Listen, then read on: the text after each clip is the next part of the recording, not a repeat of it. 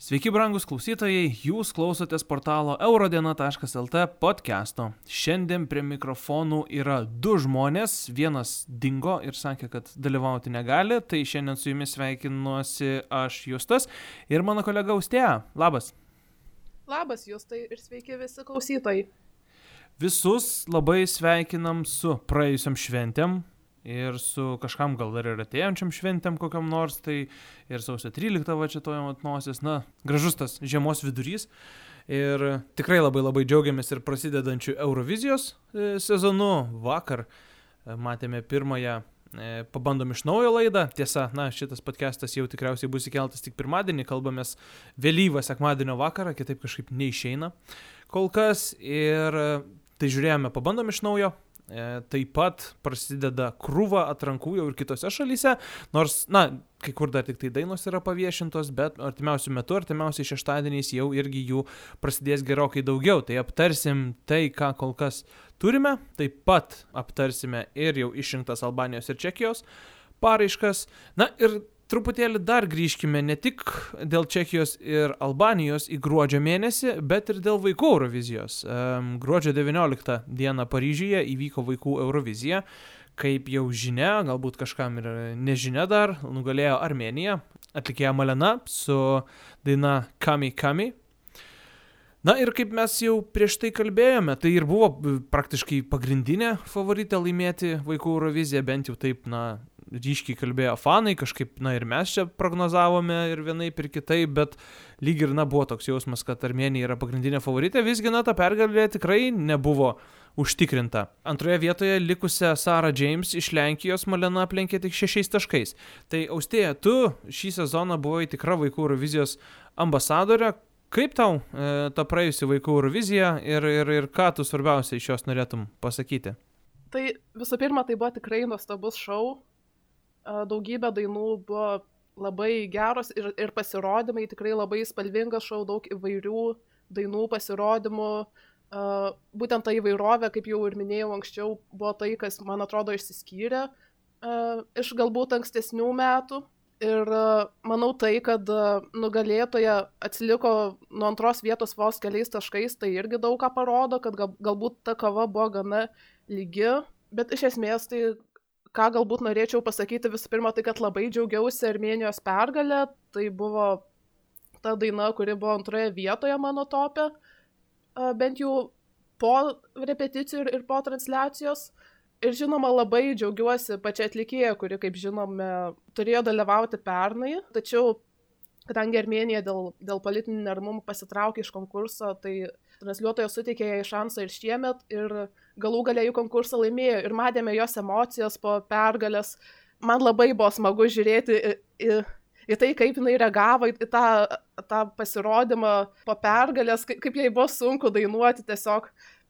Tai buvo tiesiog labai smagu tiesiog žiūrėti tą, tą visą reakciją ir kokios buvo tikros tos emocijos. Tai man atrodo vienas iš didžiausių didžiausio to, to grožio, kurį matome vaikų Eurovizijoje būtent. Ir sakyčiau, vien jau dėl to vaikų Eurovizija yra tiesiog verta dėmesio, dėl visų tų emocijų, dėl, dėl, taip pat ir dėl viso to bendravimo tarp, tarp atlikėjų, to viso vienas kito palaikymo, ko, pažiūrėjau, ne, negalima pasakyti apie daugelį fanų, kurie tiesiog linkia yra pyktis ir man tai tiesiog, nu, nesmagu tiesiog į tai žiūrėti. Pratesiant apie tą palaikymą, na vienas, sakyčiau, toks įspūdingiausių turbūt uh nežinau, vaizdų iš šitos vaikų Eurovizijos buvo jau turbūt po viso šou, kai, na, užkulisiuose matėm e, vaizdo įrašą, kaip Armenijos ir Azerbaidžiano atstovės apsikabina. Tai, na, nu, kaip tu ir sakei, tai turbūt daug pasako, tas konkursas yra, sakykime, gerokai mažiau politiškas, aišku, ne visoms šalims, aš vėlgi, na, negaliu nepykti, kai uh, Rusija, sakykime, su Kazakstanu apsikeičia 12 balų, e, profesionalų, taip čia kabutės rodau, komisijos apsikeičia 12 balų, ar tas pats Azerbaidžianas vėlgi Rusijai duoda 12 balų, kur, na, nebuvo verta į tų balų, aš taip tiesiai šviesiai pasakysiu, nes man atrodo, kad Rusija apskritai vaikų Eurovizijoje dažnai bent jau rezultatu būna šiek tiek pervertinta. Taip, jos dainos būna labai neblogos, bet kai konkurse dalyvauja tiek daug Rusijos draugių, tai aš sakyčiau, kad jinai visada, na bent per vietą, bent per dvi ar tris būna šiek tiek aukščiau negu kad turėtų būti. Tai aš, na ir šiemet manau, kad, na pavyzdžiui, už Rusijos likusi Šiaurės Makedonija, Italija ar Portugalija, na tikrai turėjo būti aukščiau. Nes, na, man tas pasirodymas tai nei šioks, nei toks. Jį, jį statė tas pats Drimtimas, e, dirbė, sakykime, pernai ir su Moldovos Sugar atli, daina. Tai, nu, man, ne mano stilius absoliučiai. Tai, bet jo, uh, fantastiškas tikrai renginys, vaikų Eurovizija šiais metais labai mane nustebino. Ir, bet sakyčiau, kad bendrai net ir tie rezultatai labai labai geri. Armenija pirma, toliau už jos Lenkija, Prancūzija, Sakartvelas, Azerbaidžianas. Aš net nepasakyčiau, kad bent viena iš jų yra kažkaip tai pervertinta. Aš gal net sakyčiau, kad gal sakart, tas atotrukis tarp uh, Lenkijos ir Prancūzijos, bei tarp Prancūzijos ir Sakartvelo turėtų gal net šiek tiek mažesnis būti, nes aš, pavyzdžiui, nu, mielai irgi būčiau matęs Sakartvelą e, ar laiminti, ar antroje vietoje, nes, na, Niko e, ta visa energija ir jo judesiai scenoje ir, ir dainavimas ir balsas, wow tai skambėjo fantastiškai. Tai taip dar jeigu labai trumpai e, apie labiausiai overrated ir underrated, tai yra labiausiai pervertintas ir nuvertintas, tai aš kaip ir taip ir sakiau turbūt, kad labiausiai pervertinta man atrodo Rusija. O sakyčiau, kad gerokai aukščiau, mano nuomonė, galbūt galėjo būti Albanija, Portugalija. Um, Šiaurės Makedonija gal irgi per vieną ar du laiptelius galėjo būti aukščiau, bet Šiaurės Makedonija man turbūt buvo vienas didesnių nusivylimų. Uh, šiais metais, na bent jau kažkaip e, repeticijų metu atrodė tas pasirodymas visai neblogai, bet e, per tas tris minutės tas monotoniškumas kažkaip truputėlį pabodo. Tai gal sakyčiau, šitos e, šalis man pasirodė šiek tiek nuvertintos. Tai Portugalija, Albanija, a ir tiesa, Airija. Airija, Airija, Airija, Airija. Visi žvengėt iš manęs ten nučiati ir, ir visur kitur, kur tik tai bendravom. Bet Airija ir daina Sahor Disappear, tai man, aš nežinau, aš, aš esu šokiruotas, kad jį liko prieš paskutinėje vietoje.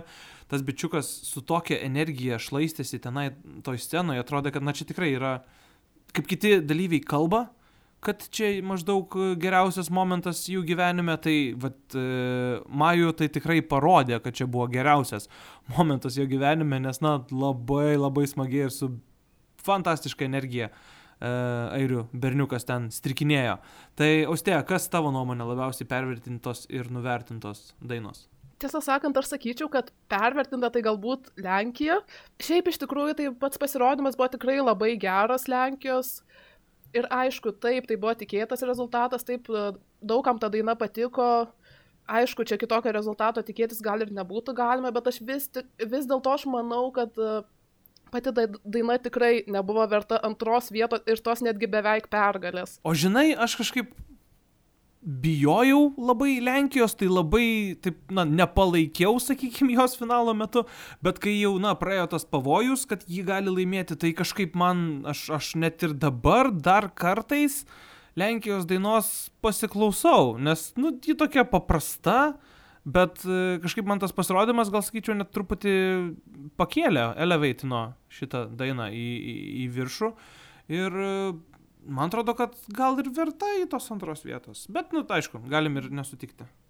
Jo, kai tu rašiai tą mintį, kad, kad e, Lenkija geriau klausosi e, po to, kai jau nebėra tos baimės, kad gali laimėti. Aš iš tikrųjų pabandžiau tai pasiklausyti, man kažkaip didelio tokio skirtumo kažkaip nepajaučiau. Bet kita vertus, nu taip, ta daina niekada nebuvo bloga, pati atlikėja, aišku, yra, yra tiesiog nuostabi. Uh, vokaliai tai buvo vienas stipriausių pasirodymų.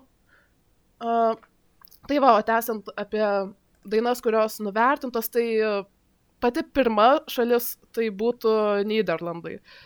Visiškai netikėta paskutinė vieta. Aišku, dabar gal atrodo lyg ir logiška, kad nu vis tiek tai yra tokia daina, kuri galbūt nėra kažkokia labai išskirtinė, nėra labai jau įsimintina, ar tiesiog galbūt tokia daina, kuri gal ir daugam visai patinka, bet tiesiog mažai kam patinka tie, kad iš tikrųjų balsuotų. O atsimeni, ką sakiau po Niderlandų pasirodymo? Ką rašiau į čatą? Uh, man atrodo, nelabai. Aš rašiau, kad uh, ar mes tik matėme Surprise Last Place? Ai. Nu jo, gerai čia atspėjai. Bet jo, man tai atrodo. Per vieną tą tašką nuo airijos. Jo, man tai atrodė visiškai nepelnyta. Dar tokia mintis, kad e, man pasirodė, kad e, Niderlandai, galbūt Bulgarija, Lenkija ir e, Azerbaidžianas galbūt, tai kažkaip vokaliai lyg ir stabiliausiai skambėjo. Aš nesakau, kad būtent e, e, tų šalių atstovai tikrai turi geriausius balsus, bet kažkaip tiesiog skambėjo geriausiai, nes kai tuo tarpu, pavyzdžiui, Armenijos galbūt, gal per repeticijas ar dar kažkur skambėjo šiek tiek geriau, Ukrainos buvo keletas aukštų natų, kurios buvo praleistos. Aš šiaip manau tikrai ir jaudulys daugam koja kiša ir, ir galbūt ne tai, kad man tai būtų kažko, kažkoks trūkumas didelis, bet tiesiog uh, būtent tos mano išvardintos šalis kažkaip tikrai skambėjo taip lyg ir labiausiai atsipalaidavę, lyg ir taip tam tik- tikra prasme galbūt geriau negu kiti. Čia mano tokia tiesiog mintis. Tai va dėl to ir, ir apskritai ir pas tas uh, vizualinis pasirodymas Niderlandų buvo tikrai toks uh, labai įdomus ir atskleidžiantis tą dainos žinutę. Mm. Nu, sakau, man buvo tokia mintis per Niderlandų pasirodymą, kad, na, čia tokia, žinai, tokia truputį jokia daina, galbūt, kaip sakyčiau, kaip ir e, Junktinė karalystė 2021 Eurovizijoje, kur atrodė, kad lyg ir nieko ta daina, lyg ir ji tikrai neturi tiek daug heiterių, bet, nu, tiesiog, nu, beveik niekas, na, kaip tu ir sakai, kad ji lyg ir daug kam patiko, bet ne tiek, kad kažkas už ją balsuotų, nors tu balsavai už ją, man atrodo, ar ne? Jo, kažkiek balsavau jo. Mhm, mhm. Nu tai va, tai e, tikrai puikiai vaikų Eurovizija, labai tikiuosi, kad e, tą lygį pavyks išlaikyti, labai norėtųsi, kad į konkursą dabar jau grįžtų ir Lietuva. Nedalyvaujam šitam konkurse jau ilgą laiką ir aš manau, kad jisai labai pasikeitė ir labai gerą pasikeitė, ypač turbūt, na nežinau, tu, tu, tu lyg ir ankstesnę datą sakei, aš tai sakyčiau, kad nuo kokių 2019 metų labai jo kokybė pakilo, aišku, pernykštės buvo ten toks ir mažesnė ir, ir, ir panašiai, bet na ir 19 ir dabar 21 metų vaikų Eurovizijos tikrai puikios ir labai norėtųsi Lietuvos atstovus matyti e, juose, bet na kaip e, panašu, kai, kai, kalbėjom su, kai kalbėjome su Audriumi Giržadu, tai na panašu, kad tokių planų bent jau kol kas e, nėra. Bet pamatysim, kaip ten viskas bus. Grįžimo į, į gruodį momentą dar trumpam irgi prateskime. E, dar dvi šalis, be jau mūsų apturtos e, ir labai liūdnos Bulgarijos, išsirinko savo atstovus, tai yra Albanija ir Čekija. Pradėkime nuo Čekijos. E, mes kaip ir prieš tai kalbėjome ir, ir pristatėme tarsi dvi pagrindinės fanų favorites. Ne, mes kalbėjome apie tris berots, bet e, man kažkaip bent jau taip asmeniškai atrodė, kad viskas čia turėtų būti tarp dviejų atlikėjų. Tai yra tarp uh, We Are Domi ir Gyudi. Um, bet uh, finale antroje vietoje liko ne Gyudi, o dar kita atlikėja Eliz Mraz, kuri beje dabar uh, planuoja pasirodyti San Marino atrankoje.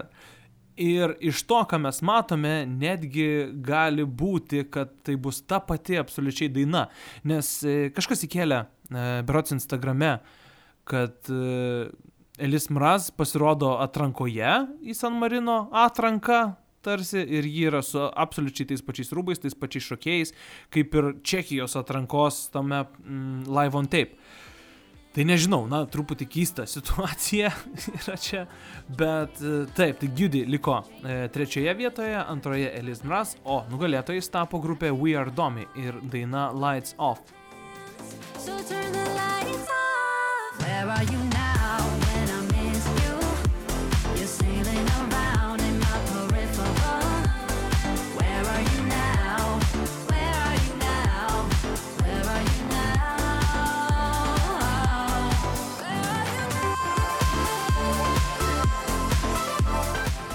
Trumpai jau buvom aptarę šitą dainą, bet e, Austėja, dar jeigu reikėtų grįžti prie Čekijos, tu kaip e, irgi e, ne tik vaikų Eurovizijos, bet ir Čekijos ambasadorė, galbūt tau šiemet Čekija patiks labiau negu visais pastaraisiais metais.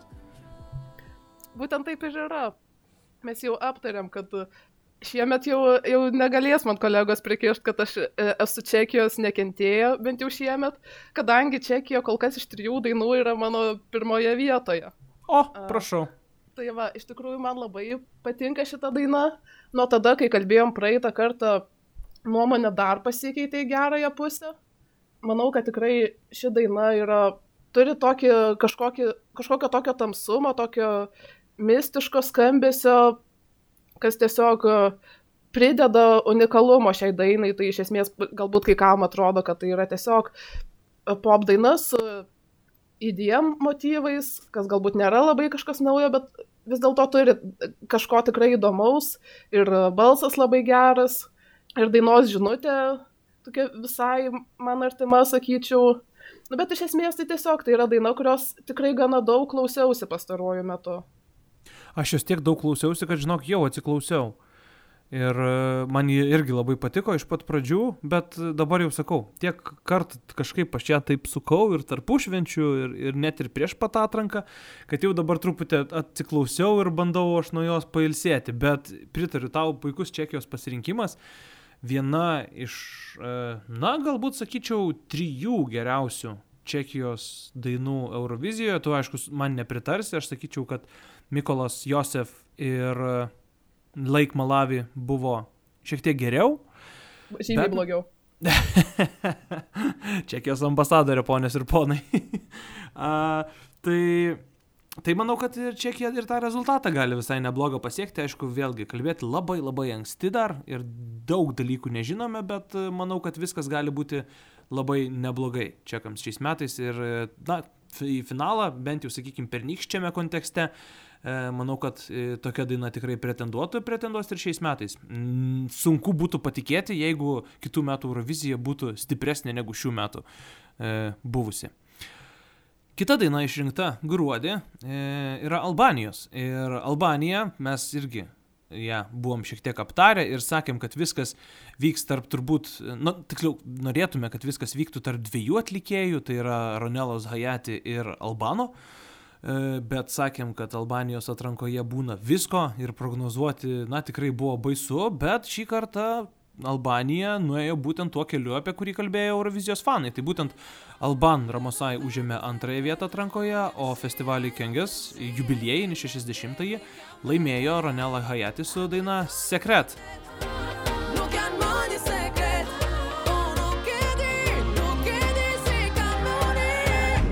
e si për tjetën këllon Edhe sot unë po du me ta thon. Edhe një, edhe dy Një, dy, tre, ta marsha!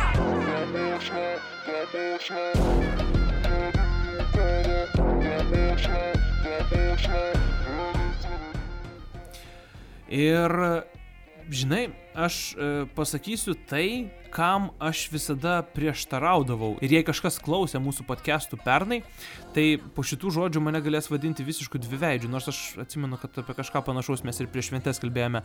Bet aš iš Albanijos laukiu gero revampo ir lygiai taip pat laukiu e, atlikėjos pasirodymo su kokiais keturiais, penkiais šokėjais.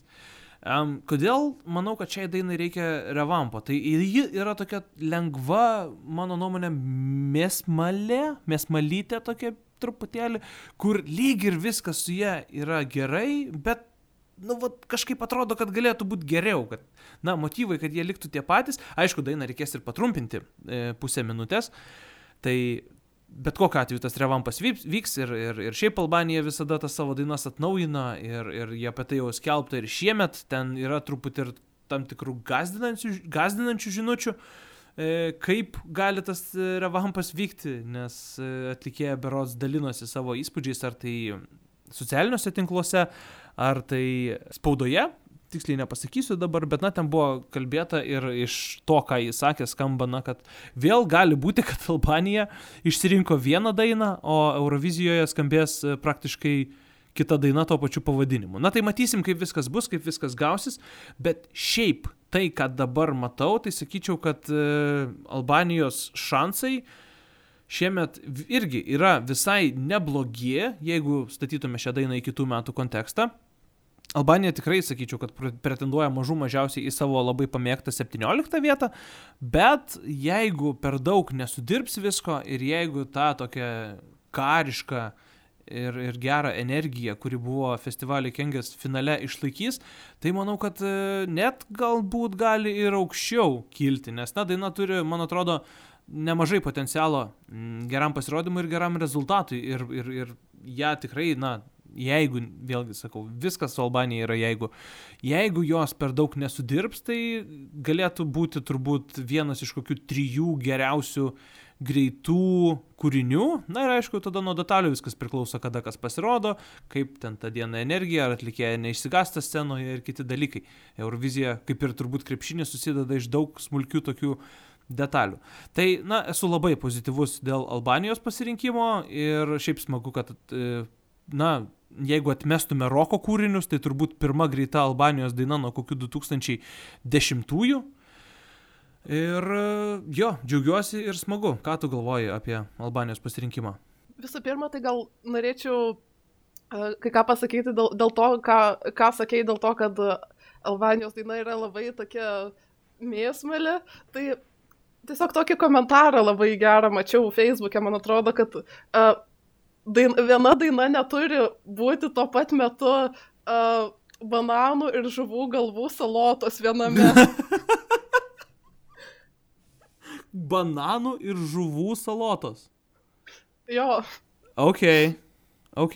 Čia šiaip uh, mm, gera tema galėtų būti, nes, nu, kalėdos buvo šventės visokios, tai šiaip visokių keistų dalykų ten tėtos ir močiutės derina ant stalo.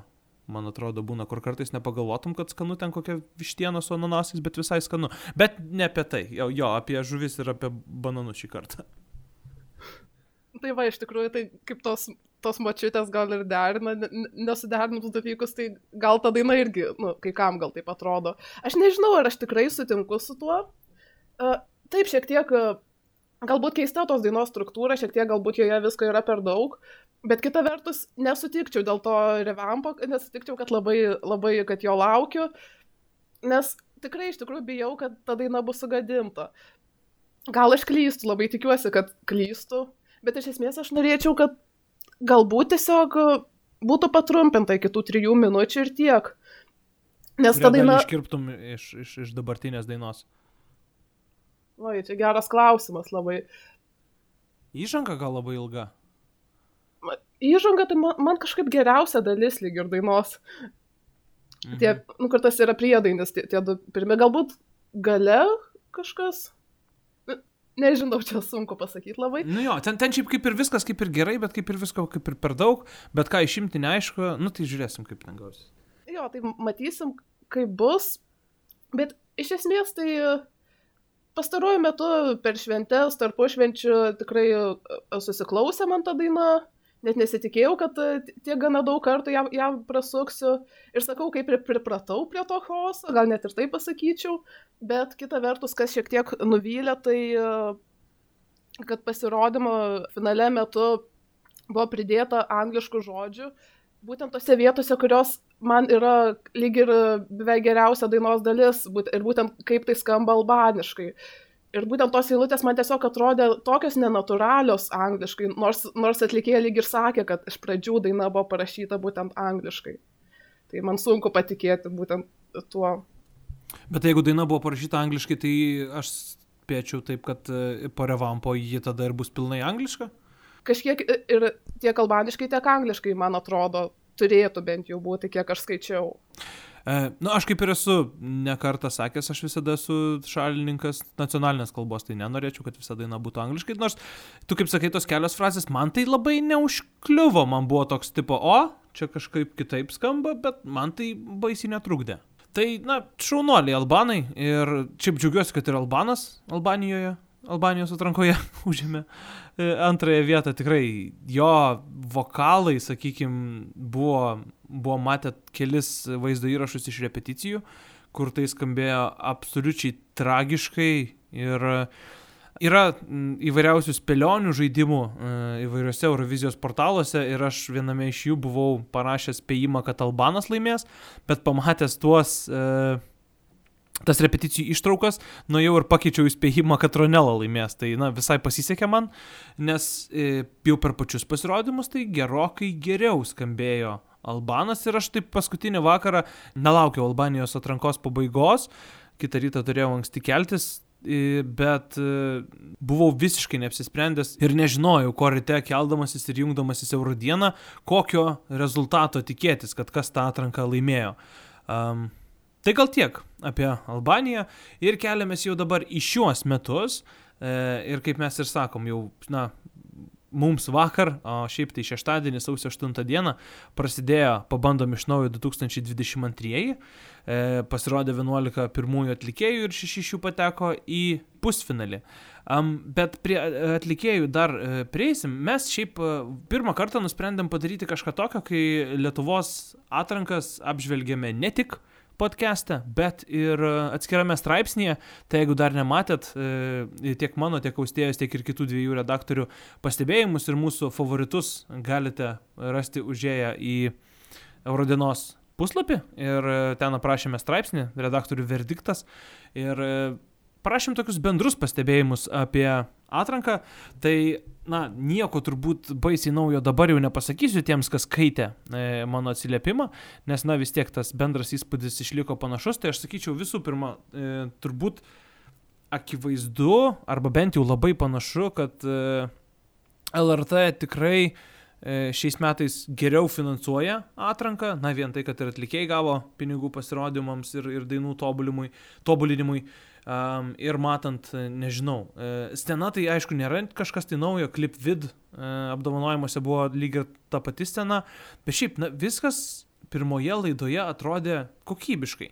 Ir jeigu ankstesniais metais pirmos laidos būdavo, na, tokia visiška, vėlgi pavartosiu tą žodį, mėsmalė, e, kamerų dar, darbai būdavo nesutvarkyti, apšvietimai, sakykime, tarp atrankinio etapo ir pusfinalių skirdavosi, na, ko ne kardinaliai ir tie vizualai dažnai labai smarkiai skirdavosi, nes atrodydavo, kad pirmame etape, na, tiesiog bet kas e, vyksta, kažkas tai pakūrė ten kažkokį tai dizainą, na ir tie pasirodymai labai silpnai atrodydavo ir jau nuo kito, nuo antrojo etapo viskas atrodydavo gerokai geriau. O jau vakar sakyčiau, kad didžioji dalis pasirodymų atrodė turbūt, kad labai, na, neblogai tiek, kiek jie galėjo atrodyti, neblogai, sakykime, su tokiamis dainomis. Um, kalbant apie dainas, tai um, esu įsitikinęs, kad šioje atrankoje mes neišgirdome būsimo atrankos nugalėtojo, apie tai jau irgi rašiau, na ir tas chaosas. Uh, lentelėje, rezultatų lentelėje, man atrodo, patvirtina šitą teiginį, nes, na, dažniausiai jau jeigu kažkas tai būna favoritas, tai jisai susilaukia didelio tiek komisijos, tiek žiūrovų palaikymo. Aš ten, na, bandžiau prisiminti ir, ir, ir su The Roop, liktai pačioje pradžioje ten buvo, na, bent jau didelis tas palaikymas. Ten komisija kažką tai su Aisti Pilvelytė juokavo truputėlį ir koketavo, bet tas jau per pusfinalį buvo. Um, lygiai taip pat buvo ir su Jeva Zasimauskaitė, ir su Jurijumi Veklenko. Na, galbūt Fusemark yra truputį kita istorija, bet iš esmės tie tvirtesni ir aiškus lyderiai ir nugalėtojai, na, ir nuo pradžių gerai atrodydavo. Mano nuomonė, šiais metais ši, šioje laidoje būsimo atrankos nugalėtojo nebuvo, na ir kaip sakau, tas chaosas lentelėje, kur e, komisijos pirmąją vietą uh, užėmusios Erika ir Augustė užima penktą, septintą vietą žiūrovų balsavime, žiūrovų favoritė uh, Urtė lieka septinta komisijos balsavime, na ir Elonas Pokanevič užėmęs paskutinę vietą komisijos balsavime, na, kartu paskutinę vietą su Valdamarso, užima antrą vietą žiūrovų balsavime ir tai praslysta į pusfinalį. Tai labai, man atrodo, sakyčiau, kad neblogas apšilimas, bet labai laukiu aš kitos savaitės ir dar kitos savaitės atrankų, kur išgirsim turbūt daugiau geresnių dainų ir būtent vienoje iš tų kitų dviejų e, dainų skambės ir nugalėtojo daina. Koks tavo įspūdis iš pirmos pabandom iš naujo laidos? Tai jeigu kalbant tai bendrai apie pačią laidą, tai tokias dvi pagrindinės mintis kaip ir turiu. Pirmas dalykas, tai tikrai norėčiau pagirti vedėjus, kad tikrai uh, gerai, gerai viskas atrodė ir skambėjo visas tas scenarius vedėjų. Ir uh, labai gerai, kad priešingai negu galbūt ankstesniais metais ar, ar galbūt šiaip įvairiose renginiuose, kad, kad buvo išvengta tam tikrų uh, erzinančių hiperbolizavimų. Pavyzdžiui, tai, kad uh, Vaidotas Valikevičius grupės The Rope lyderis nebuvo pristatytas kaip neįvykusios Eurovizijos nugalėtojas. Nes tai- taip tiesiog gan dažnai girdima ir, ir, ir mane asmeniškai erzina. Dar žinai, kas labai man patiko, kad labai neužtemta buvo. Atsimeni, kai vykdavo tos Lietuvos atrankos, kur ten per pirmą pusvalandį pristatinėdavo viską. Dabar mes ten 48, aš man atrodo, atkreipiau dėmesį į tai minutę, mes buvom jau ties kažkur šešta gal daina, tai, nu, viskas labai greitai sklandžiai vyko. Jo, šitas irgi, bet tiesą sakant, aš visai manau, kad man anksčiau užkliūdavo labiau tik komisijos tie komentarai, kad dainos lyg ir greitai eina, bet tada komisija kalba kokį pusvalandį. Tas yra, jo, kad komisija dažniausiai turbūt dvigubai daugiau kalbėdavo, negu kad atlikėjai dainuodavo scenoje. Labai geras sprendimas yra kalbėti po, po, po keturių atlikėjų. Jeigu komisija visai nekal- nekalbėtų, tai galbūt e, kažkaip ir neįprasta mūsų atrankai būtų, bet va dabar, man atrodo, toks formatas pats geriausias. Aš tai manau, kad galėtų iš vis nekalbėti, tiesiog nemanau, kad jie pasako kažką tokio labai svarbaus. Nu, iš kitos pusės taip, mes vakar irgi žiūrėjom ir, nu, pavyzdžiui, kai Vytautas Bikus pradėjo kalbėti, kad pamatęs Augustas pasirodymą, jis pagalvojo, kad galima viską išjungti ir galima Augustą siūsti į atranką. Nu, komisija, aš visiškai suprantu kodėl, bet komisija dažnai pas mus būna per daug pozityvi, man atrodo, ir per daug gerai vertino tos atlikėjus, nors kurie, na, sakykime, mūsų kontekste ta laida vakar nebuvo bloga, bet mes jeigu bandytume bet kurią iš vakar skambėjusių dainų įkelti į, sakykime, praėjusiu metu didžiosios Eurovizijos kontekstą, nu tai krachas. Realiai krachas ir nei viena iš jų tikrai nepatektų į finalą, bent jau mano tokia nuomonė. Jo, aš tikrųjų manau, kad sutinku su tuo, aišku, nežinom, kokie tie galtiniai pasirodymai būtų. Bet iš esmės turbūt, kad taip, arba bent jau finalo galas, jeigu jau, jeigu jau finalą pavyktų patekti galbūt kam nors. Bet jo, iš esmės aš manau, kad nereikalingi yra tie komisijos komentarai iš viso. Kaip ir daug, daugelį atrankų, daug geriau, kad pavyzdžiui po visų dainų dar pakviestų ko- kokių svečių pasirodyti ar dar kaip nors kitaip tą laiką išnaudotų. Galų, galėtų, galų gale galėtų turbūt rekepą parodyti du kartus, nes kai balsavimas baigėsi iš karto po rekepo, tai man taip truputį kažkaip nesažiningai. Arba galėtų bent jau e, vakar buvo taip keista, kai pasirodė paskutinis atlikėjas, tada komisija gan ilgai komentavo visus dalyvius ir tik tada parodė rekepą ir tada iš karto sustabdė balsavimą. Tai man atrodo būtų protinga rekepą parodyti iš pradžių, o tada leisti dar komisijai pakalbėti, dar pavyzdžiui apačioje prasukti vieną kartą visų dalyvių numerius, na tai kaip yra daroma Eurovizijoje. Man atrodo, tai būtų truputį sažiningiau ir gal net ir tų balsų būtų galima daugiau sulaukti. Nes, nu, turbūt, nu, bet iš kitos pusės, nežinau, aš pas tai irgi niekada nebalsuoju pirmose etapuose. Aš tai balsavau, tiesą sakant, vieną kartą Nu, nu, ir už ką balsavai? už Eriką Jennings. Nu, tai tavo favoritė, kaip ir, kaip ir minėjai. Um, gerai, ar galim pereiti prie Erikos, ar nori dar kažką pridėti?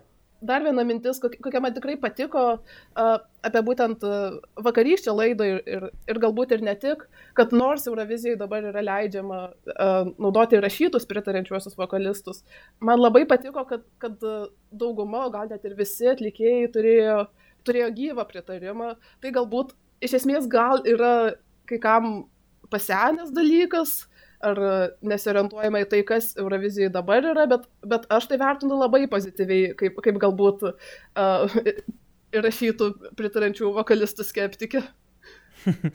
Jo, bet man atrodo, kad viskas su tuo yra labai gerai taip, kaip dabar ir yra, nes ir pačia Eurovizija tu gali ir gyvus bekus naudoti, tai lygiai tokia, tokios pačios taisyklės, kiek aš suprantu, yra ir LRT, nes, na, dalis atlikėjų, man atrodo, kad kažkas naudoja pritarančiosius vokalus, tik dabar neprisiminsiu kas, e, tai man atrodo, kad e, tos taisyklės yra lygiai tokios pačios ir Lietuvos atrankoje, kad jeigu nori, gali gyvai turėti bekus, jeigu nori, gali e, juos turėti įsirašytus.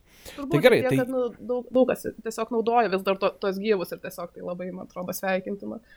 Jo, ir dar kažkas iš mūsų pastebėjo, e, kad e, didžioji e, dalis atlikėjų dainavo su, na, savo kūrybos, arba bent jau lietuvių kūrybos dainomis. Tas irgi yra labai smagu, nes, na, švediškų dainų aš iš vis neleisčiau į mūsų atranką, nes neįdomu. Ir neįdomu, ir mes niekada gerai švediškos dainos nepadarysim. Turėjom variantą su Jurijumi, e, kur mūsų atrankoje lyg ir atrodė viskas neblogai, bet vėlgi, kai perkeli tą pasirodymą ir tą dainą į didžiąją Euroviziją, į visai kitą kontekstą, tai jisai skamba prastai. Mes turime eiti savo keliu Ir labai džiaugiuosi irgi, mm, kad didžioji dalis dainų buvo, e, jeigu net ne visos dainos, tai didžioji dalis buvo rašytos pačių atlikėjų arba Lietuvos autorių. E, Pereikim dabar prie favoritų. Ir tu jau paminėjai savo favoritę Erika Jennings, tai ji tapo ir vakarų nugalėtoja. Tai prisiminkim Erika Jennings ir daina Back to Myself. coming back to myself.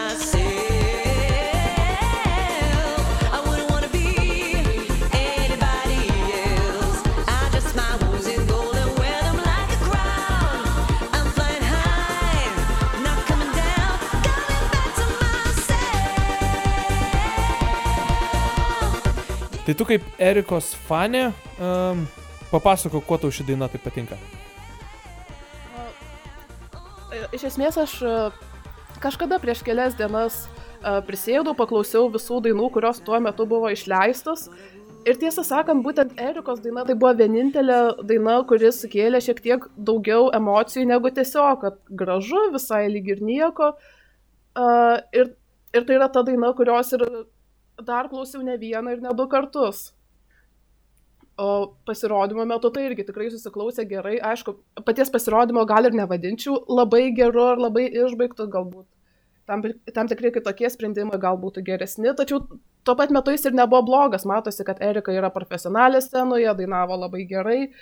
Iš esmės tiesiog dėl to nemanau, kad ta daina yra kažkoks šedevras ar labai gerą vietą Eurovizijoje užimtų.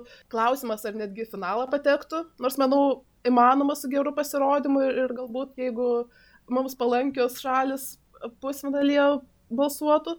Tai va, bet iš esmės tai yra daina, kurią aš tiesiog mėgstu klausyti. E, Daina pakankamai užkabinanti ir turi tikrai gražią žinutę. Ir tiek.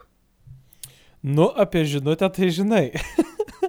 Aš kažkaip, kai klausiau dainos įrašo, tai e, per daug dėmesio į žodžius netkreipiau, bet labai vakar e, pasirodydama Erika kažkaip, na, labai gerai artikuliavo, aišku, kai jos gimtoji kalba yra anglų, tai labai jaučiasi, nes, na, kai kuriems dalyviams dainuojant angliškai labai prastai sekėsi ir, ir tarimas buvo nekoks. Tai, nu, man tai ta dainos žinutė tai toks yra, nu, atvirų tekstų slepas, nu, Jurgiui didžiuliui per veidą. Ten daug tokių frazių yra įdomių, kad pagaliau išsilaisvinau ir, ir pagaliau aš galiu daryti, ką noriu. Ir, bet, na, čia toks tiesiog pastebėjimas, kad labai jau taip akivaizdžiai atrodo, kad jų santoka nesibaigia galbūt taip gražiai, kaip, um, kaip galbūt buvo skelbta žiniasklaidoje. Bet, na, mes iki tokių dalykų turbūt, kad nenueisim, nenusipiginkim ir apie suknelę nekalbėsim, nors turbūt e, vienas e, labiausiai aptariamų dalykų yra, žinai, su šita daina, aš šiaip, e, kai išgirdau ją pirmą kartą, tai, na, prisipažinsiu, buvau smarkiai nusivylęs, nes Erikos muzika man šiaip e, dažniausiai patinka, aš ją ir 2016 labai palaikiau su daina Leading Me Home. Šita daina, man toks vaizdas, kad vokalinė dainos linija ir dainos aranžuotė yra iš skirtingų dainų. Nežinau, ar supranti, ką noriu pasakyti, bet man, pavyzdžiui, net būtų įdomu, jeigu kažkas, e, kažkoks tu, tu talentingas ir šiek tiek muzikoje nusimanantis žmogus dabar klauso šito podcast'o, nu, pabandyti nuimti e, nuo Lolitos Zero Get Frightened vokalinę liniją ir uždėti šitos dainos vokalinę liniją. Man atrodo, kad e, visai turbūt panašiai skambėtų. Nu, labai yra keistas instrumentalas šitos dainos. Ir e, kaip ir apie tą patį berots kad kalbėjo ir komisija, kad toks vaizdas, kad šita daina turėjo būti baladė, bet vad kažkas padarė kažkokį kaip ir remixą. Tai man tas skamba šiek tiek keistai. Aš buvau nusivylęs, kai išgirdau šitą dainą pirmą kartą, bet e, tai yra daina, kuri šiandien, diena po atrankos, man visą dieną skamba galvoje. Ir tai turbūt yra neblogas ženklas, bet vėlgi manau, kad, na, su tokia daina Eurovizijoje mes nelabai ką gero pasiektume. Gal nori kažką tai at, at, atšauti man? Žinok, iš tikrųjų, tai aš kaip ir sutinku dėl tos visos aranžuotės, kad taip, tai skambėjo šiek tiek keistai ir aš netgi sutinku su komisija, netgi ir dėl to, kad kaip, kaip baladė turėtų būti. Taip, šiek tiek gal, gal ir keistokai skambėjo. Ir jo, iš tikrųjų man irgi šiek tiek gal net ir kliuvo vietom, bet tiesiog visumoje tai vis tiek tokia tikrai gera daina, manyčiau. Gerai, o kas tavo kiti favoritai buvo vakaro? Tai antroje vietoje mano buvo Viktorija Faith ir trečioje Urte Šilagalytė. Jo, Viktorija tai iš esmės jos daina man tiesiog atrodė la- labai graži baladė. Aš kadangi tikrai e, iš esmės mėgstu baladės, Pagarsėjusi baladžių fane ir čekijos nemėgėja austėje. Taip, būtent. Tai iš tikrųjų labai, labai tikrai graži baladė, tas visas instrumentalas man nuo- pirmų sekundžių patiko.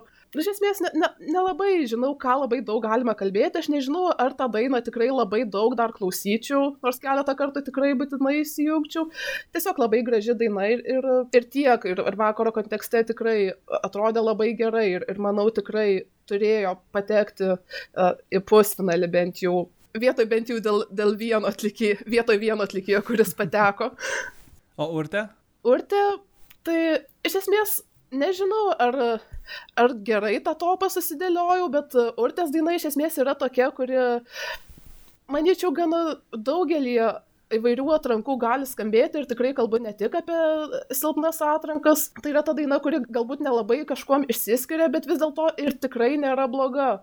Ir atlikta taip pat ir visai neblogai. Ir kas tikrai patiko, tai vizualizacijos, kurios atrodė tikrai labai įdomiai, mano nuomonė. Supratau. Na, mano vakaro favoritė buvo Augustė Vedrickaitė su daina Before You're Six Feet Under.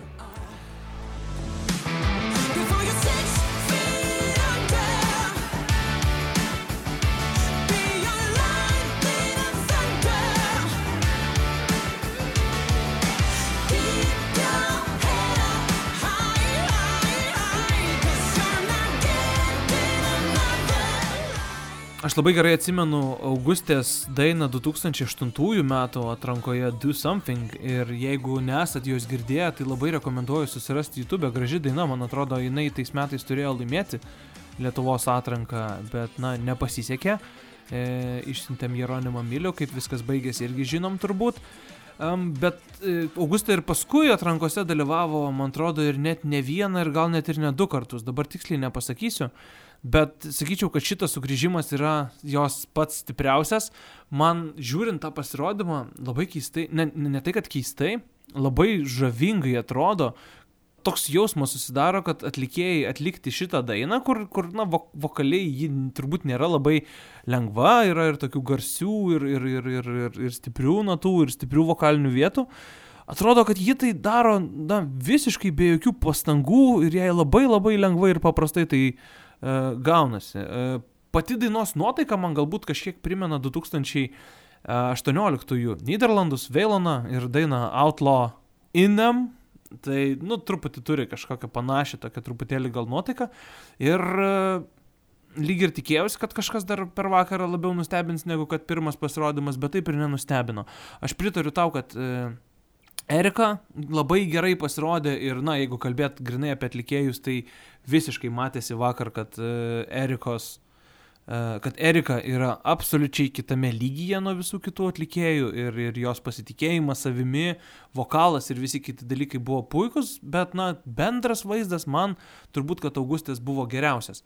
Uh, mano antroje vietoje buvo Mary Moe. Uh, deja, bet dabar, kai pagalvoju, tai visiškai neprisimenu tos dainos. Uh, tiesiog atsimenu, kad buvo uh, neblogai dainuojanti atlikėja su visai modernia daina ir šiaip uh, sakyčiau, kad turbūt gražiausiai scena atrodė per jos pasirodymą. Gražios spalvos tenai truputį ir keitėsi, ten kai fire tai raudona, kai water tai mėlyna spalva įsijungdavo ir man tas pasirodymas visai neblogą įspūdį irgi paliko. Tu šiaip Merimon neįtraukiai į savo trietuką, ar, ar jį kažkur toli buvo nuo, nuo, nuo, nuo trietuko ar netoliese? Vis dėlto uh, penktoje vietoje, tai visai netoli, manyčiau. Ypatingai nesužavėjo, bet uh, vis dėlto tikrai nėra bloga daina, kaip ir sakėjai, moderni, uh, pasirodymas gerai atrodė. Kas link pasirodymų ir vizualizacijų, tai aš išskirčiau, kad būtent Merimo ir Urtės pasirodymai, man atrodė vizualiai e, gražiausi. Taip galbūt tobulintini vietom, bet kažkuom tikrai patraukia akį labiau negu, negu kiti. Jo, na ir trečioje mano vietoje būtų Erika Jennings jau, jau aptarta ir, ir jau paminėta. Tai tiesiog, na, dar jeigu taip trumpai tai sakau, man atrodo, kad silpna daina, žiauriai gera atlikėja ir e, gaila. Norėčiau, kad, kad Erika turėtų kokią lab, geresnę dainą šiais metais, bet yra kaip yra. Kaip jau ir sakiau, nematau nieko iš turbūt šios atrankos ir šios laidos laiminčios mūsų atranką ir tikrai labai laukiu kitų atrankų ir, ir, ir tikiuosi kažko šiek tiek geresnio. E, labai trumpai dar apžvelkim ir e, rezultatus. Tai Erika, kaip minėjom, pirmoje vietoje, antroje vietoje Augustė, trečia Urtė, ketvirtas Joseph June, penkta Mary Mo ir šeštoje vietoje Elonas Pokanevič. Su tais rezultatais tai irgi jau šiek tiek minėjau, kad na visiška mėsmalė komisijos žiūrovų favoritai absoliučiai išsiskyrė. Um, toje, jeigu taip žiūrėtume į, į tą lentelę, tai Erika surinko 18 taškų iš viso ir ten visi kiti po, po, po 15-16 ir, ir to pakako, kad patektų į pusfinalį. Tai aš iš principo esu visiškai patenkinta šitais rezultatais ir aš sakyčiau, kad e, visi šeši ir buvo šito vakaro geriausi. Aš žinau, kad tu turi truputį kitokią nuomonę.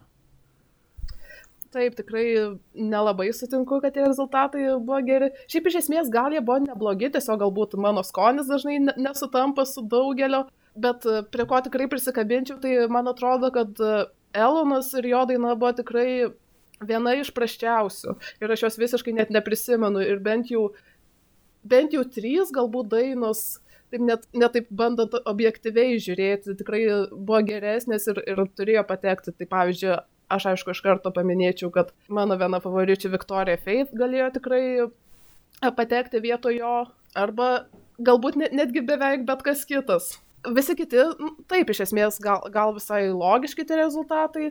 Na, dar neminėjau, kad ne, iš, iš esmės aš nelabai suprantu e, to daugelio iš tikrųjų susižavėjimo Augustė, kuri tavo favoritė yra.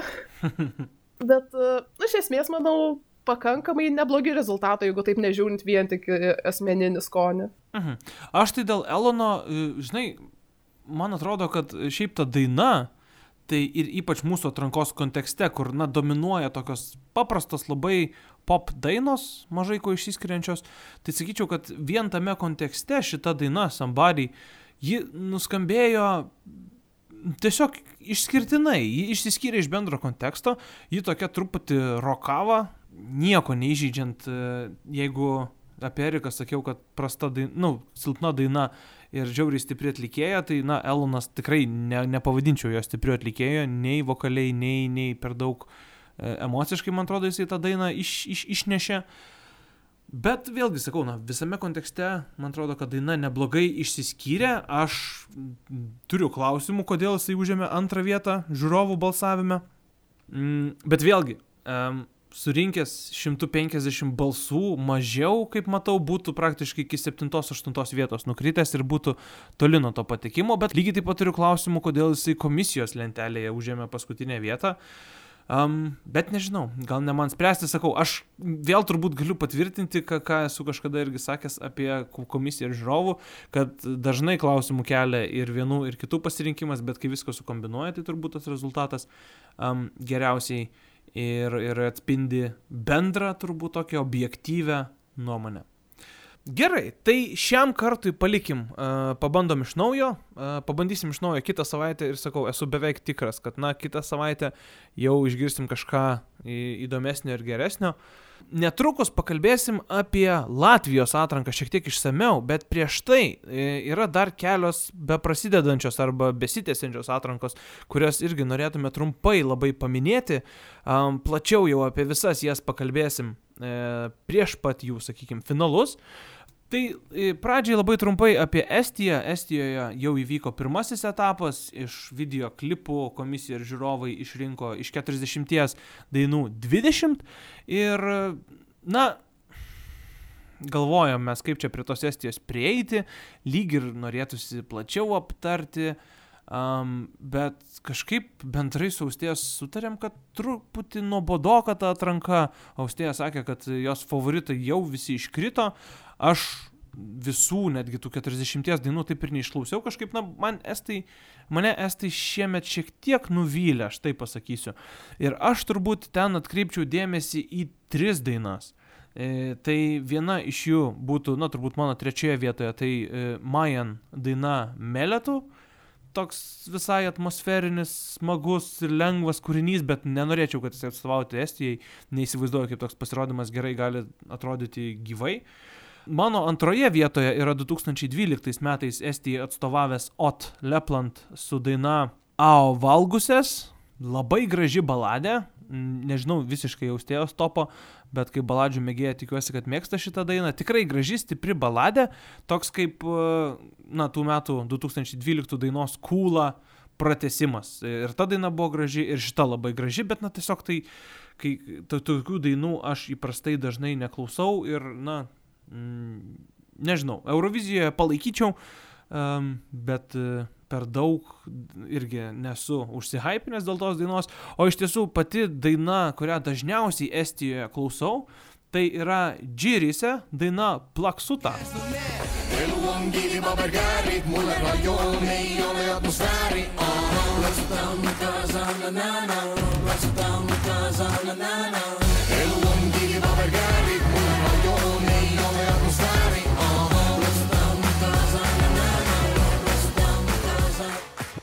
Šita daina turi kažkokią tai labai fainą ir gerą energiją, turbūt e, man jį gal primena Me and I, dainą Drip, šiek tiek iš, iš, iš 2020 metų atrankos.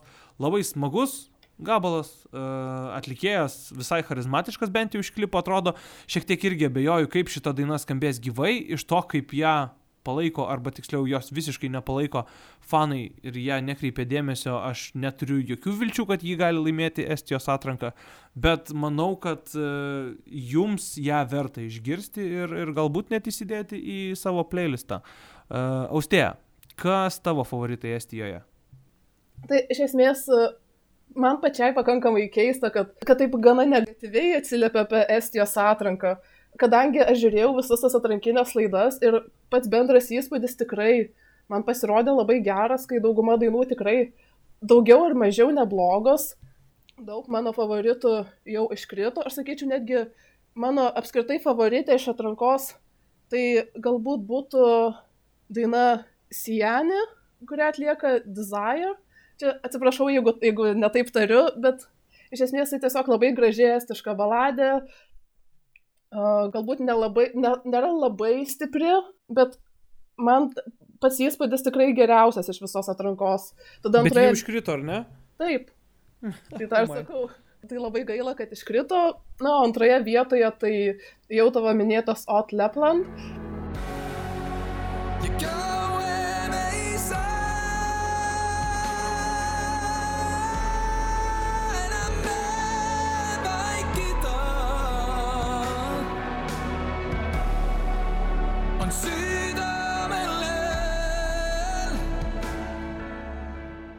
Kas ypač išsiskiria, tai, tai atlikėjo balsas. Tai, ką, ką jis e, su savo vokaliniais e, sugebėjimais darė prieš dešimt metų, tai iš esmės kartojasi ir dabar. Tikrai nuostabus atlikėjas, e, ne tik puikų balsą turintis, bet ir puikiai išjaučiantis dainas. Ta daina tikrai labai stipri, labai didelė tą tokį emocinį užtaisą turinti, dainos klipas gražus. Tai iš esmės to, uh, tos dvi dainos yra mano pagrindinės favoritės Estijos atrankoje. O dauguma kitų tai tiesiog yra tokios dainos, kurių, iš kurių daug tikrai labai geros, bet vėlgi arba sunku įsivaizduoti, kaip gyvai nuskambės, arba tiesiog Eurovizijos kontekste gali ir nublanktų. Nėra vienos tokios, kuri būtų visiškas šedevras man. Nu, galbūt žiūrėdamas Esti Laul pusfinalius pakeisiu šį savo nuomonę, bet sakau, tiesiog man kažkaip neužstrigo niekas ir pavyzdžiui, um, tai, kad Elina Načiajeva su daina Remedy yra, kaip suprantu, viena iš fanų favoričių, bet, na, man atrodo, kad viskas čia turbūt dar dėl pavardės ir prisimenant jos 2018 metų dainą. Jo, Nes-. Nes šita daina tai, na, nieko ten iš jos doro. Nors dabar pasižiūrėjau, kad panašu, kad Elina Načiajeva nėra visiškai fanų favoritė, ji bent jau programėlėje My Eurovision Scoreboard yra penktoje vietoje, pirmoje vietoje yra Stefan. E, Beje, apie Stefan ir dainą Hope aš irgi turiu savo nuomonę ir nepatinka man jinai. E, Labai panaši į kažkokią tai kitą dainą, panašumai praktiškai tokia ir lygiai taip pat jinai panaši ir į Viktor Kroon Storm ir į Monso Zelmerlovo Heroes. Tai toks, na, kratinys visokių vairių pop dainų ir nematau tokiom dainom vietos Eurovizijoje, nors jos panašu, kad daugam ir patinka.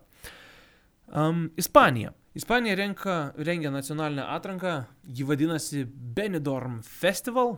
Festivalis vyks keletą dienų, e, sausio 26-27 numatyti pusfinaliai, 29 finalas. Ir dėl šitos atrankos aš esu gerokai pozityvesnis negu dėl Estijos. Mm, Klausantis tų dainų, praktiškai kelios turbūt buvo tik tai, kurias norėjau jau prasukti kuo greičiau ir išjungti. Bet, na, daugiausiai mano dėmesio patraukė turbūt trys. Tai būtų 90-aisiais dar e, šaliai atstovavusios e, merginos Akuzar Moreno su labai ispaniška tokia daina. Antroje turbūt mano vietoje būtų Chanel ar Chanel, tiksliai net nežinau, su daina Slowmo, tokia truputį modernesnė daina. E, vėlgi, nieko turbūt labai ypatingo ar kažko tai išsiskiriančio, bet na vien tai, kad daina, na, ispaniška, visos beje dainos yra ispaniškos. Šita daina mano grojaraštyje skamba ganėtinai dažnai ir man ji visai patinka. Na, o pirmoje vietoje e, iš Ispanijos atrankos aš e, laikyčiau Raiden su daina Kale de la Loreria. A llorar a la calle de la llorería. A llorar a la calle de la llorería. Perdona la ironía, que me ría, me ría y me ría. Pero esa penita no fue mía. Yo ya lloré, yo ya la lloré. Jėzau, kaip sunku ištarti tą pavadinimą. Um, nežinau, iš pirmo klausimo lyg ir nepadarė man šitą dainą tokio didelio įspūdžio, bet čia tas variantas, kur norėjosi dainą įsijungti dar kartą e, po to, kai jau visas išklausiau. Ir kažkaip vat, antrą, trečią kartą ji man visai prilipo, gražus klipas. Um, kažkiek tai, ką atlikėjas daro, man galbūt primena tai, ką daro Mahmud, italas, nes, na, jo muzikos šiek tiek pasiklausau daugiau ir, ir, ir už Eurovizijos, ne tik Soldi, e, labai gerą albumą buvo išleidęs. Ir kažkuo skambėsiu savo ir savo nuotaiką man primena Raiden būtent Mahmudą. Tai nežinau, iš tikrųjų Ispanija yra labai neprognozuojama iš to, kiek jų atrankas irgi esam anksčiau stebėję, tai sunku čia kažką tai labai įsimylėti, nes nežinai, ką išrinks. O kas būtų tavo favoritai? Tai mano favoritai būtų e, pirmoje vietoje Rigoberta Bandinį su daina Ai Mama. Por tantas mamá,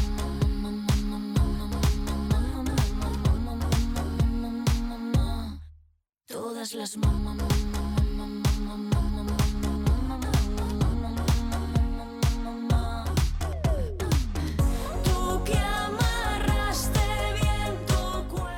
Tiesiog dėl to, kad tai yra tokia užkabinanti daina, kad šito klausimu tiesiog nėra jai lygių ir labai norisi daug ją klausyti tiesiog.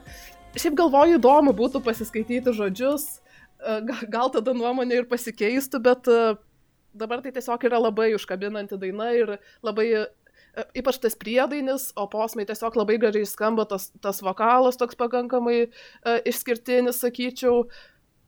Tai va tiesiog įdomu bus dar pamatyti, kaip tas gyvas pasirodymas atrodys. Aš beje mačiau, kad šita daina berots lažybų bendrovių prognozėse paskutiniam dienomis kažkodėl tai pakilo ir aplenkė e, antroje vietoje esančią dainą Terra ir dabar yra kaip ir favorite laimėti. Tai na, įdėjau šitą dainą e, ir mūsų klausytojams, kad pasiklausytų ir, ir, ir jeigu sudomins galės ir ją visą susirasti. Portale Eurodiena žinoma. Jo, tai antroje vietoje būtų atlikėja Blanca Paloma su daina Secreto de Aqua. Tokia labai graži, labai rami daina, kuri tiesiog, man atrodo, tarptų visų ispaniškų ritmų, tų tokių, tų tokio labai elektroninio skambesio, tiesiog labai išsiskiria, tokių, sakyčiau, netgi nuo širdumo. Vėlgi, aišku, čia pasireiškia mano ta meilė baladėms, graži daina ir, manau, išsiskiria labai iš konteksto. Vėlgi sunku, aišku, pasakyti, kaip sektųsi Eurovizijai, bet šitoje vietoje tai aš manau, kad galima tikėtis tikrai labai stipraus gyvo pasirodymo. Ir dar paminėčiau trečioje vietoje, tai jau tavo minėta Terra. Atlikėjau, gal net I nebandysiu. dare you. I dare you. Gerai. Uh, Tanksui Gueras. Tanksų gueras turbūt kažkaip Jo, tai taip turbūt. ispaniškai. Okay. Tai, va, tai labai įdomi daina, kuri, manyčiau, gal, gal dar netgi ir labiau išsiskiria iš konteksto ne, negu mano antroje vietoje esanti daina. Aš neprisimenu, ar, ar aš apie šitą, ar ne šitą dainą girdėjau kažkokį palyginimą su GoA, kurie pernai atstovavo Ukrainai. Kad ta dainavimo maniera iš tikrųjų, man atrodo, turi šiokių tokių panašumų, nors atrodo, to, tos abi šalis uh, yra iš visiškai skirtingų kultūrų. Tačiau pastebėjau šiokį tokį panašumą tarp, tarp šitų dainų ir manau, kad tai tiesiog skamba labai įdomiai. Transueras, arba dabar turbūt galvoju, kad turbūt ispanų kalboje nėra X tokio, yra labiau transueras būtų. E, Man tai labiau gal ne GoA primena, bet galbūt labiau primena 2019 Lenkijai atstovavusias Tulija ir Fire of Love. Nu, vat kažkokio tokio labiau galbūt pana- panašumo turi, nes tai vis tiek daugiau yra merginų grupė, e, kažkokie tai irgi į tautinius panašus rūbai lyg ir. Bet nežinau, e, mačiau, kad šita daina yra absoliuti fanų favorite, bet kažkaip e, ir bandžiau ją ir vieną, ir antrą, ir trečią, ir ketvirtą kartą klausyti, nu manęs neužkabina. Galbūt čia yra ta daina, kurios gyvo pasirodymą reikia pamatyti, nes šiaip norėčiau, kad tokia daina man patiktų, ji turi kažkokių tai labai tikrai irgi įdomių motyvų. Um, ir dar viena atranka, kurią lyg ir norėtume aptarti, bet turbūt nelabai bus ką aptarti, tai yra Rumunija.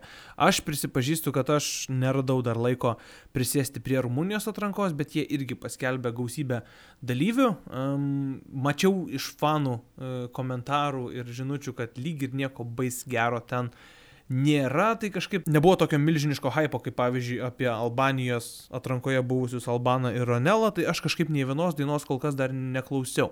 Tu lyg ir šiek tiek esi susipažinus su šitą atranką. Iš esmės irgi nelabai, aš tiesiog keletą dainų uh, ištraukas labai trumpas perklausiau ir tiesiog man toks bendras įspūdis atrodė lyg ir neblogas, kad yra dainų, kurios skambėtų, manau, gerai, tiesiog reikėtų dar pil- pilnai jų perklausyti arba bent jau po tikrai ne 10 sekundžių ištraukas, tai irgi nieko tokio labai pasakyti negaliu. Paliesim šitą turbūt atranką ir šitas dainas tada, kada jau, na, jų liks mažiau, nes, na, dabar tai yra, atsiprašau, bet 46 dainos, tai po Vilnių kaip jas visas prisėsti ir išklausyti, o vėlgi klausyti pagal tai, kas patinka fanams, kažkaip, na, irgi tas turbūt ne, ne visada veikia ir galima tikrai praleisti daug gerų dainų, tai nežinau, kada pažiūrėsim. veikia. Kaip? Retai kada veikia tas, kai klausai tai, kas patinka kažkam ir niekada nesuprantu žmonių, kurie klausia, ar yra kažkas gero atrankoj, nes tiesiog, nu, mano favoritai dažnai būna visai kiti. Mhm, mhm. Nu, bet iš kitos pusės gal ir verta šito klausimo klausti, kai atrankoje yra 46, atsiprašau, dainos. Nu jo. Nes, na, tikrai labai didelis skaičius tų dainų, tai, na, kažkada tai susipažinsim turbūt ir su Rumunija. Na, o dabar pereinam dar pabaigai, pačiai, pačiai pabaigai jau prie Latvijos atrankos. Ir Latvija po metų pertraukos rengs Supernova ir aš ją pavadinčiau šiemet taip, tai yra Super Supernova.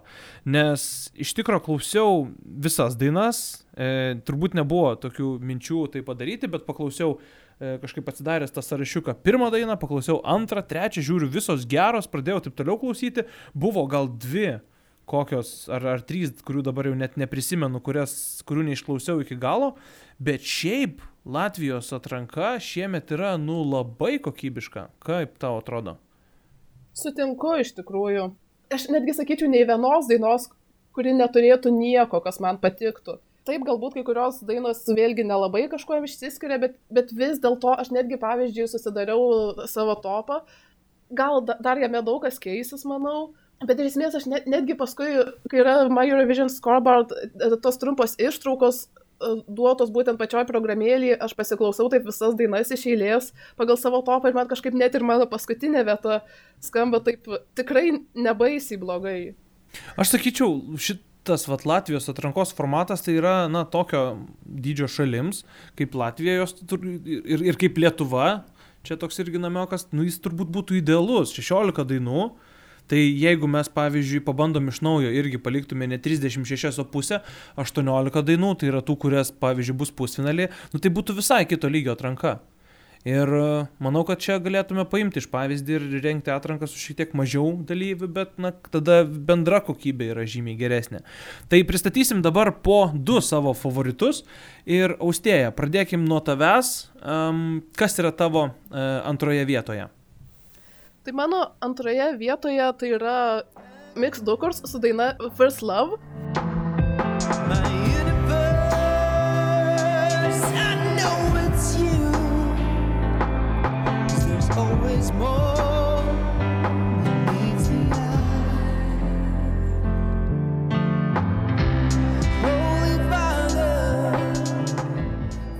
Iš esmės, manau, ypač kažkaip šiandien labai pasirodau kaip, kaip baladžių fanė, nors tai ne kažkokia naujovė, bet iš esmės tai tiesiog labai graži daina, tas pieninas, po to prisideda ir daugiau instrumentų.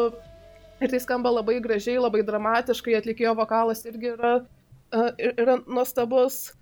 Ir iš tikrųjų, kai aš klausiau pirmą kartą šitą dainą, man atrodo, tai buvo pati paskutinė daina, kurią aš klausiau ir vis galvoju, nu, va, labai graži baladė, atrodo mano skonio. Tik va, gal palauksiu, kol, kol galbūt ar priedainis, ar, ar kažkokia dalis bus tokia lyg labai girdėta ir lyg nieko naujo, bet, bet tokio, to kažkokio, tokio labai ir neišgirdau, tai, tai dėl to labai stipriai nustebino. Aišku, aš ją, aš ją dar klausiau gal tik kokius du kartus, nes daugiau tiesiog nespėjau, tai gal ta nuomonė keisis, bet, bet kol kas manau, kad labai stipri daina ir labai mano skonį atitinkanti. Aš e, šitą dainą, e, taip pat irgi dabar atsidaręs savo topą, pasižiūrėjau, tai jinai yra iš tų dainų, iš tų mano vidurio dainų, kur sakiau, kur visos tikrai geros, aš ją išklausiau iki galo ir man ji patiko, bet, na, ji nėra šalia mano visai favoričių, bet ji viena iš tų, kurios tikrai, tikrai, sakiau, kokybiškai atrankoj, geros dainos. Ir e, tikrai graži a, aranžuotė, graži daina, viskas su ja super. Um, mano antroje vietoje šioje atrankoje yra garsioji Aminata ir daina I'm Letting You Go. I'm letting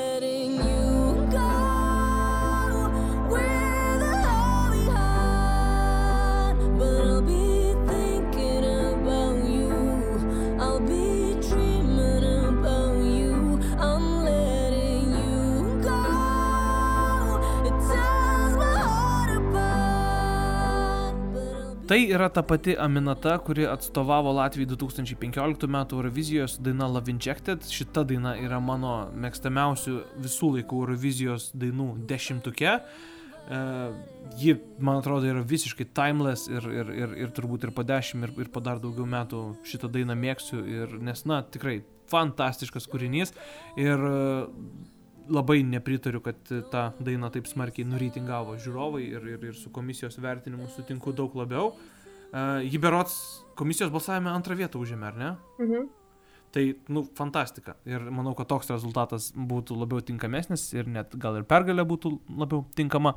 Bet šita daina irgi yra graži, stipri baladė.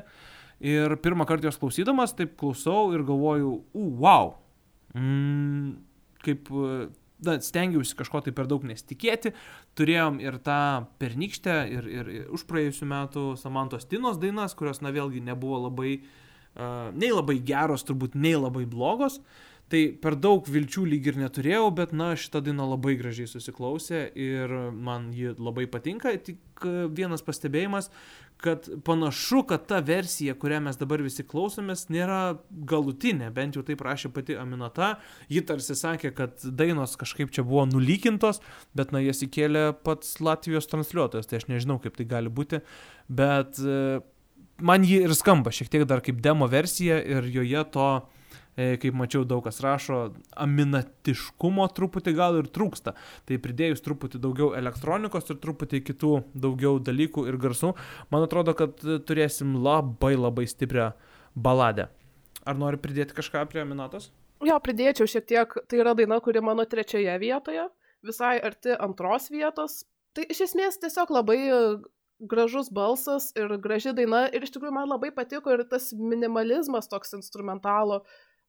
Taip galbūt ta daina ir skamba šiek tiek lyg e, nebaigta, taip galbūt pridės kažkokių uh, elektronikos kažkokios, bet aš labai tikiuosi, kad tai kad, kad tos visos elektronikos nebus per daug ir paliks tokį minimalizmą dainos, kad, būtų tiesiog uh, labiau atskleista būtent ta emocija ir nebūtų perspausta. Jo, jo, tas toks minimalizmas labai tinka šitai dainai, man atrodo. Um, tai gerai, e, Aminata be abejo fanų favorite ir matysim, kaip jie seksis atrankoje. Latvija dėl kažkokios priežasties net ir lažybų lentelėse iš ankstinėse, labai iš ankstinėse prognozėse, kurios absoliučiai nieko nereiškia, šovė irgi vienu metu net iki pirmosios vietos, dabar irgi vis dar laikosi dešimtuke. Galbūt ir dėl Aminatos, neaišku, nežinom, čia, na, tiesiog nemažai hypo man atrodo, buvo sukurta, gal net truputį ir per daug, bet, na, vėlgi, kaip Latvijai šita daina būtų fantastika. E, Austė, kas tavo pirmoje vietoje Latvijos atrankoje? Mano pirmoje vietoje yra uh, duetas Inspo su daina A Happy Place. Do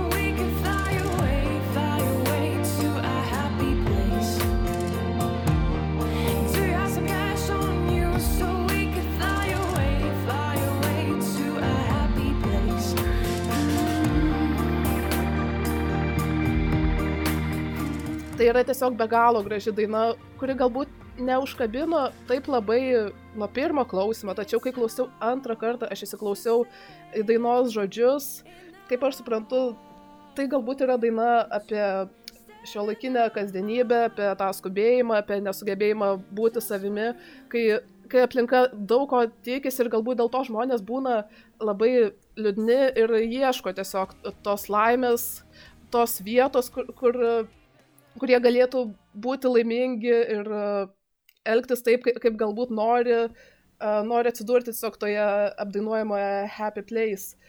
Ir taip pat tai yra labai, dainos lab, labai tikrai gražiu vokalu, tas balsas toks labai, manyčiau, išskirtinis.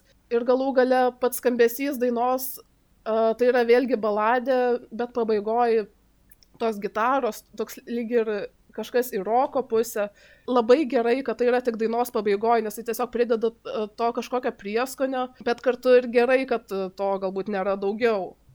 Jo, ir aš pavyzdžiui e, perklausiau visas dainas vieną kartą ir tada antrą kartą neklausiau, bet peržiūrėjau recapą visų pakartojimų ir buvo įdėta būtent ta roko vieta. Ir man buvo toks tipo, hm, dar viena roko daina, ne, nu, nelabai čia. Bet tada pamačiau, kad e, tu ją gerai vertini, tada pamačiau, kad e, fanai ją gerai vertina ir įsijungiau dar kartą. Ir e, ta ro roko dalis išimta iš konteksto įskamba kaip visiškai kita daina. Bet kai klausai visą dainą, tai ji labai gražiai susiklauso ir labai tinka toks stiprus užbaigimas. Ir mano topė šita daina yra trečioje vietoje ir tikrai, vat, ką tik tai buvau pamiršęs padaryti, tai tu kol kalbėjai įsimečiau ją irgi į savo playlistą ir klausysiu gerokai dažniau, nes tikrai labai graži daina, labai gražus instrumentalas, labai graži dainos žinutė ir tikrai, na, puikus kūrinys vienas iš tų tikrai na, geriausių Latvijos atrankoje. Um, gerai, Austėja, tu žinai, kas mano pirmoje vietoje, ar ne? Jo, žinau. Ar tu jau esi pasiruošusi kaip e, Kristina ar, ar, ar Gabrielius, ar kas ten pas mus mėgsta daug tokių skeletukų prisiųsti į čia ir sureaguoti taip į kažką, kas yra pusiau cringe, pusiau taip, a, kur, what, tai jo, aš pats šiaip ilgai galvojau, ar Aminata, ar, ar, ar šita daina yra mano pirmoje vietoje, bet, na, tiesiog pagalvojau, kad Aminatos dainą klausiau turbūt kokius penkis kartus, o šitą dainą jau turbūt klausiau kokius 20, jeigu ne dar daugiau kartų. Negaliu atsiklausyti jos ir, nu, tai yra kažkas out of this world, man bent jau. Ir tai yra City Zeni ir daina Eat Your Salad. When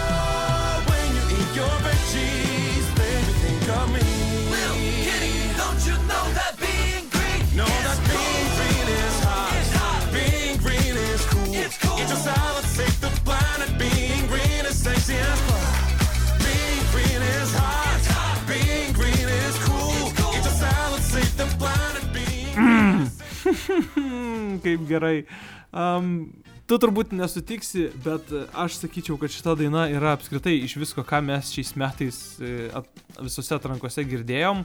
Aš sakyčiau, kad šitai dainai yra turbūt gal daugiausiai potencialo. Aš labai lengvai įsivaizduoju, kaip šitą dainą ir šitą pas, su pasirodymu galima visiškai nukyčinti, nupiginti ir tiesiog sunaikinti ir padaryti absoliučią parodiją. Bet kai aš jos klausau, aš įsivaizduoju tą pasirodymą, aš įsivaizduoju kamerų darbą, aš įsivaizduoju daug konfeti skraidančių, tokių, mm, nežinau, kaip, kaip, kaip gal kur per Coldplay koncertus būna e, kažkokie tai konfeti drugeliai ir, nu, toks geras šitos dainos vaibas yra ir, nu, taip džiaugiuosi su ją pradėdamas savo rytą. Um, žinutė dainos, ji jau nebėra originali, apie tai turbūt būna pusė vaikų Eurovizijos dainų ir, ir, ir šiaip, na, kad go green, go eh, eat your salad, eat your veggies, apie klimato kaitą. Ši daina yra ir, na, ta žinutė man ji patinka, nors jau, kaip ir sakau, jau ji nebėra kažkas tai originalaus. Mm, bet, nu, tas tekstas visas, ta prasme, dainos pradžia. Gal aš nedainuosiu, o tiesiog, na, į, į, įdėsiu tą frazę.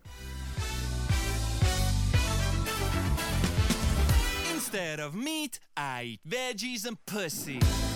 Tikiu, kad Eurovizijoje taip šita dainos pradžia neskambėtų, bet hei, aš jau sugalvojau, kaip ją galima pakeisti.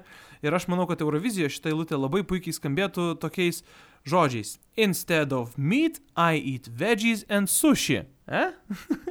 Žiauri gerai, ne? Ir, Jo, ir, ir ten kitus galima pakeisti. Ten yra ir, ir, ir yra sexy as fuck, nu tai pakeisi sexy as hell ir viskas bus gerai. Nu, bet žodžiu, tiesiog, na šitos dainos nuotaika, instrumentalas, visas produkcionas man yra kažkas nerealaus ir, ir, ir tai yra tikrai dažniausiai mano klausoma daina iš viso šių metų sezono. Ką tu galvoji ir kaip, kaip smarkiai tu man nepritari? Žinok, tiesą sakant, gal taip labai ir neheitinu. Na, tiesą sakant, labai gero kažko irgi nepasakyčiau, bet taip, tai yra iš esmės gal ir e, guilty pleasure. Mano topė lingalo, bet aš sakau, visos dainos bent jau kažką turi neblogo. Taip, e, atkreipė dėmesį būtent tos pirmos eilutės dainos, tie, žodžiai. Nu, tik tiek, kad aišku, gal negerąją prasme. Kodėl negerai? Sakau, labai lengvai galima pakeisti. Nu tai kaip pakeist, tada gal ir, ir galvosim, kaip čia tada vertint, o kol kas yra kaip yra. Tai tiesiog tokia guilty pleasure, galbūt manęs labai neužkabino, taip, taip labai. Ar- Aš kaip ir suprantu, kodėl, kodėl tu toks fanas šitos dainos, nors kodėl ant tiek tai šiek tiek keista, bet... Nu, bet tarkim. Ai, aš šiaip labai mėgstu tokius visokius quirky dalykus, kur, kur labai jie keisti tokie būna, bet, bet gerai keisti. Ir man čia būtų guilty pleasure, bet visiškai negilty, labai tiesiog pleasure. Tai tokia ta Latvijos atranka, tikrai ten yra ir daugiau dainų, su kuriomis jums turbūt būtų verta susipažinti. Užėkite į mūsų portalą eurodiena.lt ir, ir rasit visą svarbiausią informaciją.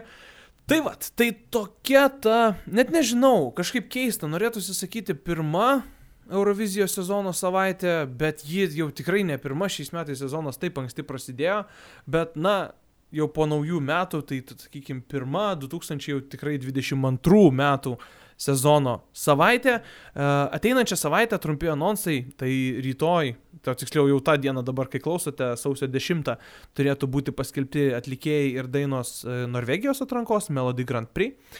Sausio 12-ąją e, savo atlikėjus paskelbs ir Suomiai. E, Na, o sausio 15 yra numatytas Lenkijos atlikėjo pristatymas, Lietuvos antroji laida ir pirmoji e, atrankinė Melody Grand Prix laida. Tai su podcastu mes irgi grįšime kitą savaitę, jau turbūt taps tai nuolatiniu, kas savaitiniu įvykiu ir tuo aš bent jau labai džiaugiuosi. Tikiuosi, kad džiaugiatės ir jūs. Sekite mus Facebook'e, sekite mus Instagrame, paspauskite like ir ant šito įrašo mūsų Facebook'e, jeigu, sakykime, podcastą įsijungėte dėl to, kad jį pamatėte tenai, tai padės mums irgi plėstis ir, ir, ir padės daugiau žmonių jį pamatyti. Mes tikrai labai stengiamės ir labai norim, kad viskas e, skambėtų kuo geriau ir kad e, savo išvalgomis pasidalintume su kuo didesniu būriu žmonių. Tai tiek šiam kartui. Čia portalas eurodiena.lt, podcastas apie Euroviziją. Aš Justas, mano kolegė Austėja ir atsisveikinam iki kitos savaitės. Iki. Iki.